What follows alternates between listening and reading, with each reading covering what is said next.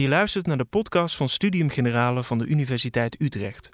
Met wetenschappelijke verhalen voor iedereen.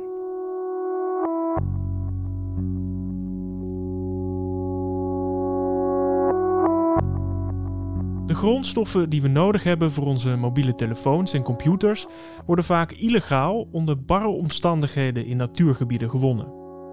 Is er een manier om onze grondstofhonger op duurzame wijze te stillen? Zodat niet alleen wij, maar ook de mensen die leven van de mijnbouw ervan profiteren. Luister naar Mario de Tijen, cultureel antropoloog aan de Vrije Universiteit van Amsterdam. Een kleine groep wereldburgers gebruikt steeds meer grondstoffen, vooral energie.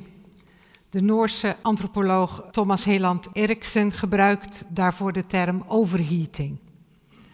In mijn bescheiden bijdrage aan de discussie zal ik het hebben over een aspect van die grondstofhonger uh, dat niet zo vaak de aandacht krijgt, zoals uh, mijn voorganger net al, uh, al zei ook.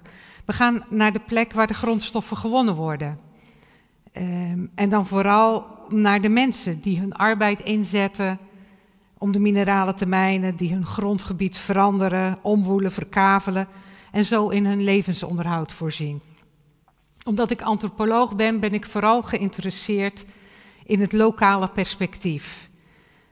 En met die antropologische blik zie ik hoe complex de grondstofwinning is en hoe verweven hier en daar zijn. Vanavond wil ik het vooral hebben over die complexiteit en dat lokale perspectief. Op de foto zie je mij uh, meewerkend met vrouwen die stenen crushen in Noord-Ghana. Maar de andere foto's die ik laat zien zijn allemaal gemaakt in Brazilië en Suriname, waar ik het meeste van mijn onderzoek uitvoerde. Eerst even een paar praktische zaken.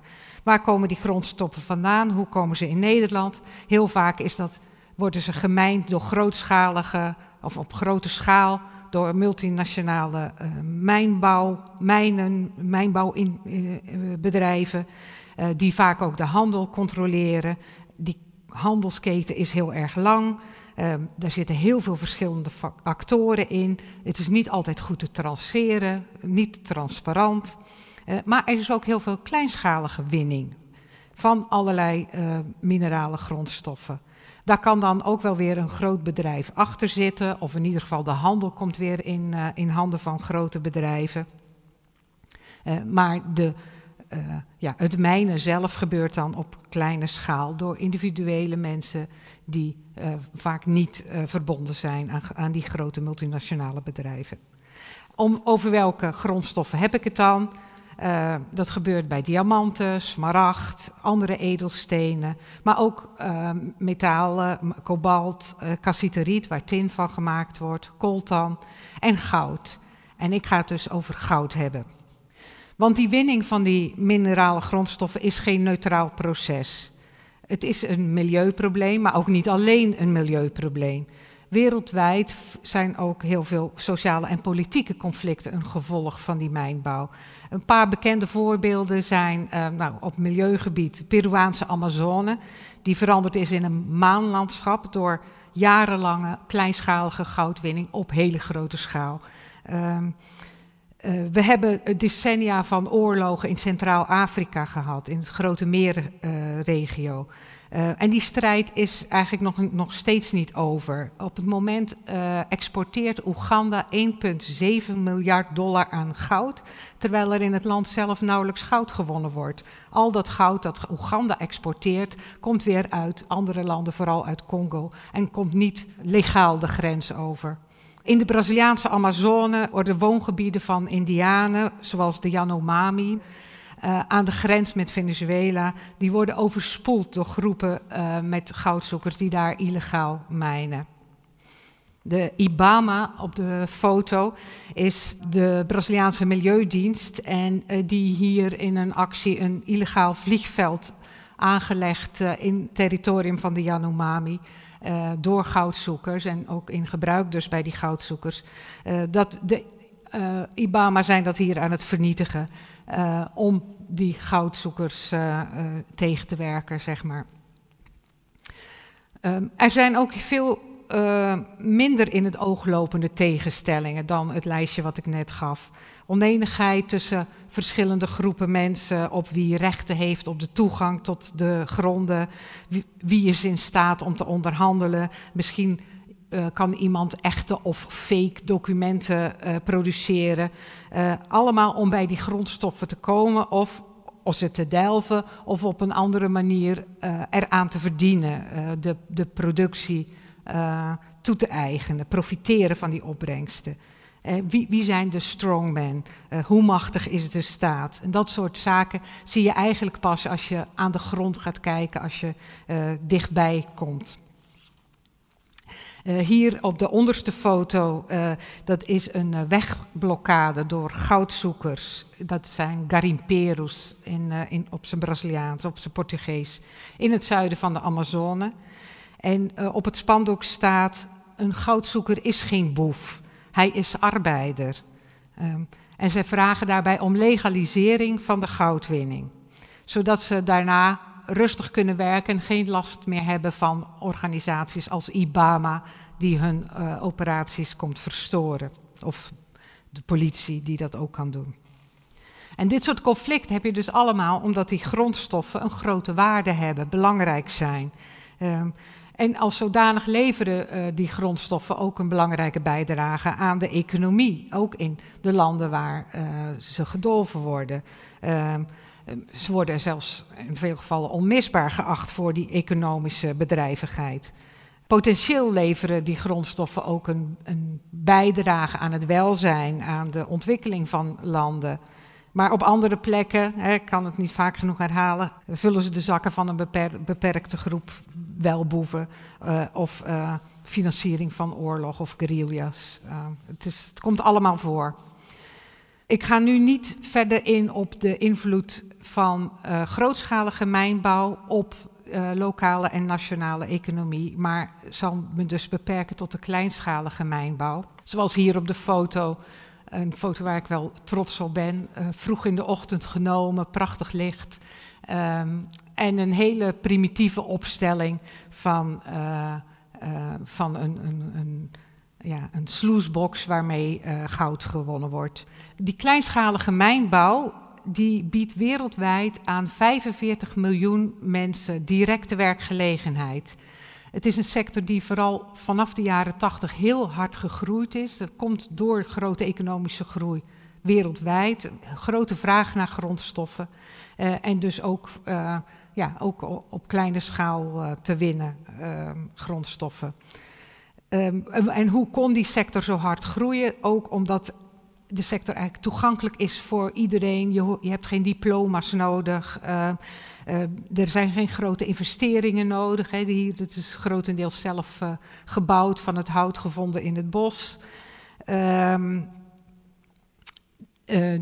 en vooral voor ver, verarmde bevolking op het platteland was dit een mooie aanvulling op, op het inkomen, vaak ook in, bij, met seizoensarbeid. Um, veroorzaakte vaak kettingmigratie. Je kon daar gemakkelijk in. Als er iemand van je familie daarin werkte, dan uh, kon je zo ook daarin terecht enzovoort. Dus allemaal heel erg uh, basis en simpel. Naast die mensen die er direct in die sector gingen werken, uh, zijn er volgens schattingen nog eens 134 miljoen wereldwijd die um, indirect betrokken zijn en afhankelijk van de sector. Uh, mensen die de handel eromheen uh, werken, winkels, voedsel, gereedschap. Uh, um, er ontstaat vaak een hele grote informele economie rondom die mijnbouw.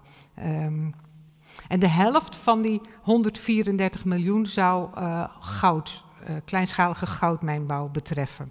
Dat betekent bijvoorbeeld dat je op lokaal niveau in het binnenland van Suriname of, en ook grote delen van de Braziliaanse Amazone, uh, dat kleinschalige goudwinning daar eigenlijk de enige bron van inkomen is.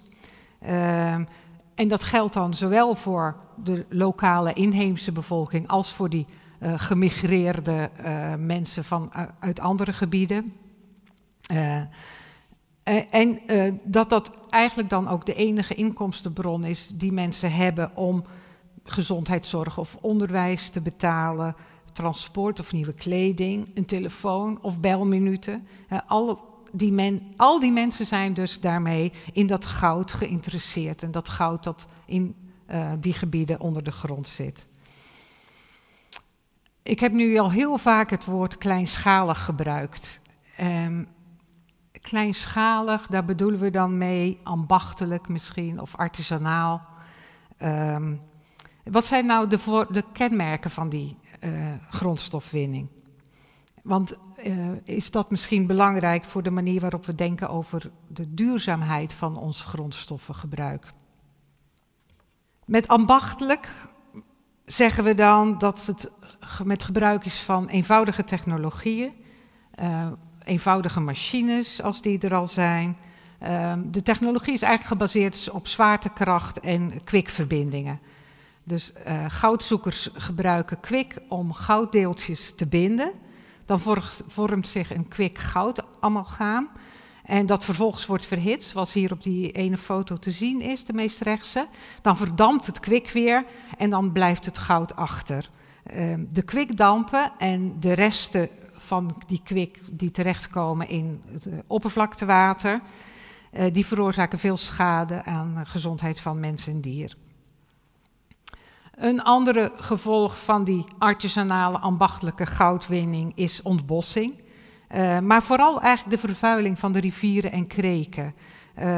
De kleinschaligheid, pas als het op hele grote schaal is, als het voorbeeld wat ik zojuist noemde in Peru, uh, is die ontbossing ook echt heel erg blijvend. Maar als het kleinschalig is, dan is het effect van de op ontbossing nog niet zo groot. Maar die vervuiling van rivieren en kreken door modder en door de sedimenten die losgemaakt worden, de, die kunnen wel heel groot zijn.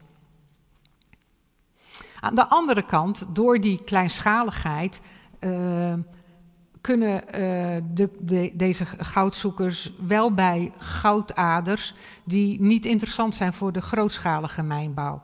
Uh, dus ze kunnen bij, ja, hun technologie is eigenlijk geschikt voor de goudaders die niet zo diep onder het oppervlakte zitten. En ehm, ja, in die zin zou je eigenlijk kunnen zeggen, zijn ze uh, klein, kleinschalige mijnbouw en grootschalige mijnbouw, in ieder geval in het geval van goud, uh, complementair zijn aan elkaar. Maar dat is een ander verhaal waar ik nu geen tijd voor heb. Andere kenmerken zijn veel belangrijker voor, uh, ja, om, als, als ik die, die kleinschalige mijnbouw wil karakteriseren. En die vat ik eigenlijk samen met de term cultuur. En daar horen dan termen bij als autonomie, onafhankelijkheid, agency.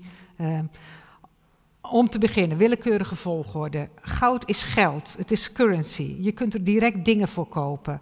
Uh, in sommige goudvelden, bijvoorbeeld in het binnenland van Suriname, uh, vervangt goud de nationale munteenheid helemaal. Ehm, dat maakt dan de relatie tussen arbeid en consumptie heel direct. je mijnt het goud en je kunt het goud zeg maar oppakken en daar kun je, gelijk, kun je gelijk om gaan zetten in biertjes of in uh, een stukje zeep, zoals hier uh, op de foto. Een stuk zeep voor 0,8 gram goud.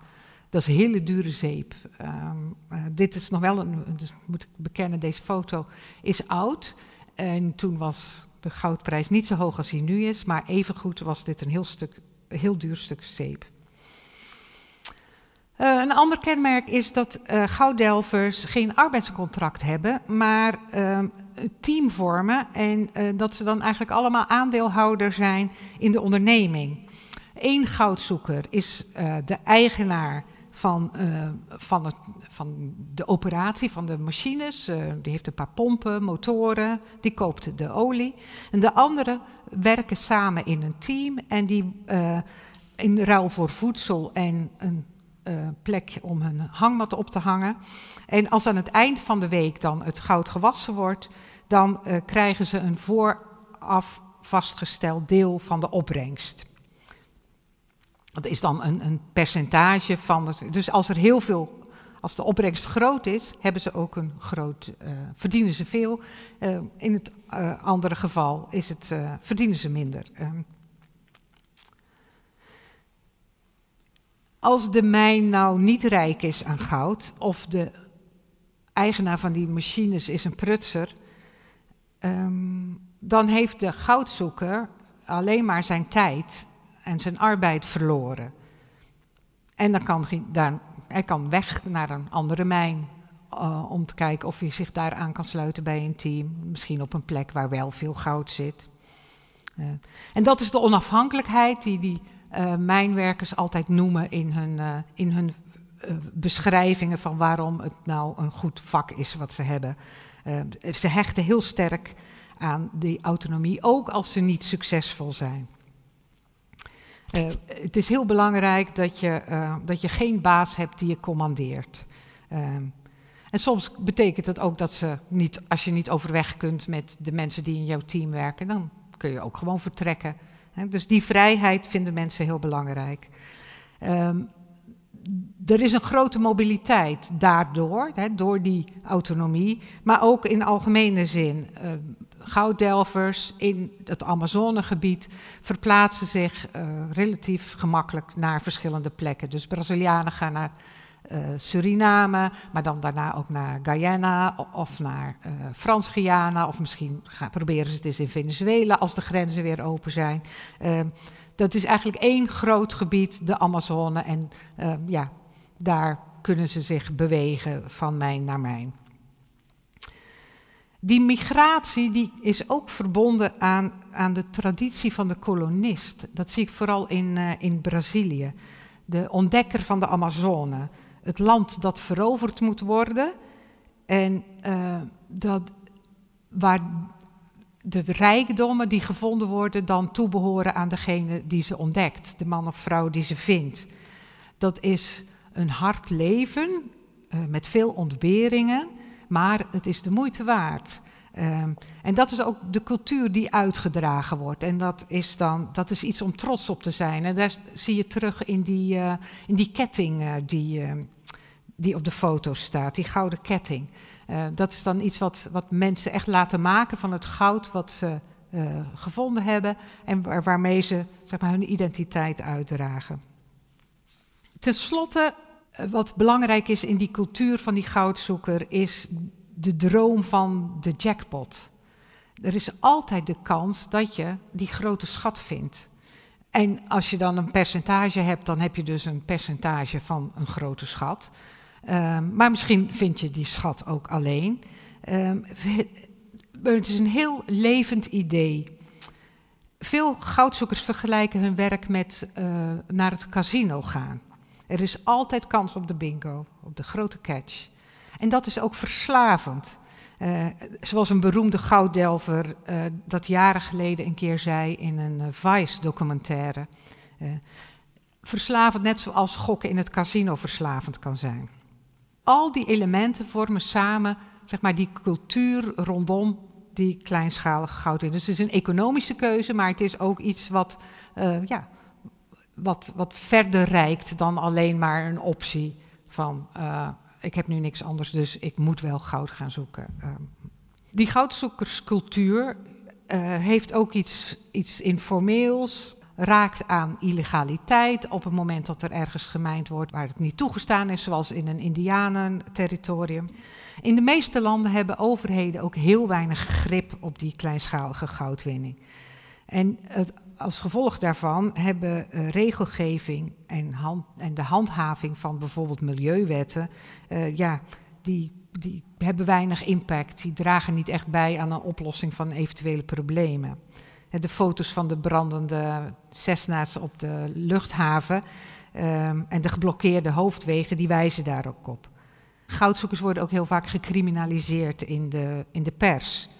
Vandaag was er een mijnramp gebeurd in Burkina Faso. Misschien zagen jullie dat ook in de krant. Een heel klein berichtje, uh, maar het gaat gelijk over illegale mijnen. Hè? En dat is blijkbaar waar de associatie die er algemeen uh, rondom bestaat. En zoals die mannen in Brazilië die de weg aan het blokkeren waren ook zeiden... wij zijn geen boeven, wij, wij zijn arbeiders, wij werken. Hè? En dat is dat is zeg maar de verdediging. Dat kan waarschijnlijk een crimineel ook zeggen, ja, maar ik ben aan het werken. Maar voor hun is dat uh, ja, de manier om, om zich te verzetten tegen dat uh, sticker op hun voorhoofd van uh, crimineel. Met die cultuur is de, productie van goud is ook een, levenswijze. Informeel, self-made, een eigen economie met het betalen van goud, met goud vaak ver weg van de administratieve en economische centra van de landen waar het plaatsvindt. En zo bouwen die goudzoekers hun eigen gemeenschappen op, die soms uitgroeien tot uh, uh, permanente dorpen. Uh, met, alles, met allerlei voorzieningen, zoals winkels en ambachtslieden, bars, hotels. midden in het oerwoud, zoals hier op deze foto van Bensdorp in Suriname. Hoe verhoudt zich dat leven en die levenshouding tot de duurzaamheidsdiscussie die wij voeren en tot ons denken over het gebruik van grondstoffen op aarde? De mensen die leven van de goudwinning worden natuurlijk ook geconfronteerd met die vraag naar duurzaamheid. En zij hebben daar ook antwoorden op. Bijvoorbeeld, uh, duurzaamheid kan zijn een goudafzetting waar je langer dan een paar maanden kunt werken, zodat je niet weer gelijk je kamp een eind verderop moet gaan opzetten. En waar je langer kunt blijven om je brood te verdienen. Of duurzaamheid in het niet lastiggevallen worden door de autoriteiten die vergunningen eisen of uh, paparassen of uh, nou, regels op willen leggen.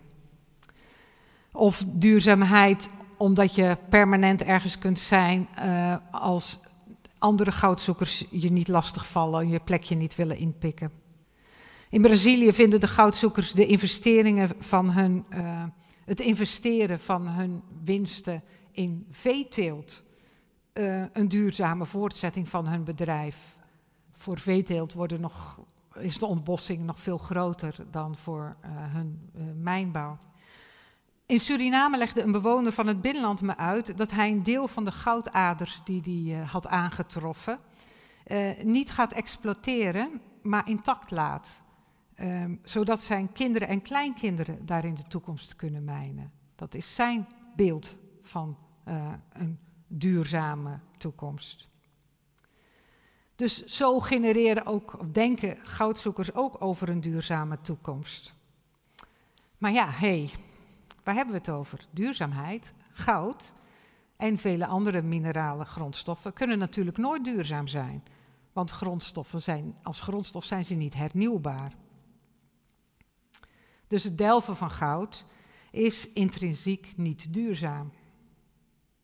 En in het geval van die kleinschalige goudwinning ligt het gebrek aan duurzaamheid ook nog in al die negatieve milieueffecten, in de veiligheids- en gezondheidspraktijken, de niet-efficiënte technologie misschien.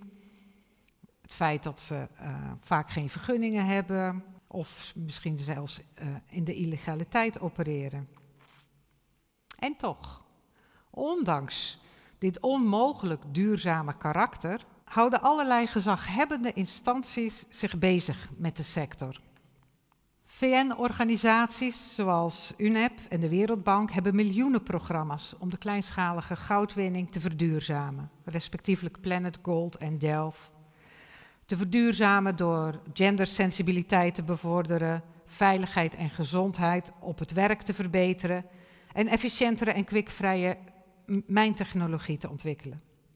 Hetzelfde doen internationale natuurbeschermingsorganisaties, zoals het Wereld Natuurfonds en Conservation International. Die zijn ook betrokken in dit soort initiatieven. De OESO e heeft richtlijnen voor de formalisering van kleinschalige gemeenschappen, juist om die, uh, uh, die ketens uh, te verduurzamen.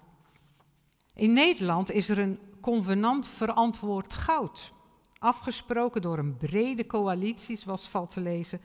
Brede coalitie van bedrijven en organisaties om misstanden zoals uitbuiting en milieuschade in de goudketen te voorkomen. En dan zijn er ook nog een heel arsenaal aan gespecialiseerde NGO's, zoals de Alliance for Responsible Mining en de Artisanal Gold Council, die mijnbouwgemeenschappen ondersteunen en versterken. En tenslotte hebben grootschalige mijnbouwbedrijven vaak ook nog projecten in het kader van hun corporate social responsibility om ook met de kleinschalige mijnbouwers in hun gebied uh, projecten te doen. Wat zouden de motieven zijn voor al deze inspanning en investering? Ik zou zeggen, zolang zoveel miljoenen mensen voor hun levensonderhoud afhankelijk zijn van die kleinschalige goudwinning, kan die sector niet uitgebannen, gesloten worden. Dat is ook wat op zulke websites vaak als motief wordt aangegeven. Maar wat betekent dit voor ons denken over duurzaamheid en over onze grondstofhonger? Um, zijn de problemen dan opgelost als wij onze honger stillen? Zoals gesuggereerd wordt door de titel van, uh, van deze bijeenkomst. Ik zou denken, niet alleen onze honger is een factor, ook de overleving van al die mensen die in die sector werken, dus aan, hè, waar de grondstoffen vandaan komen. Ik eindig met een plaatje van een weegschaal.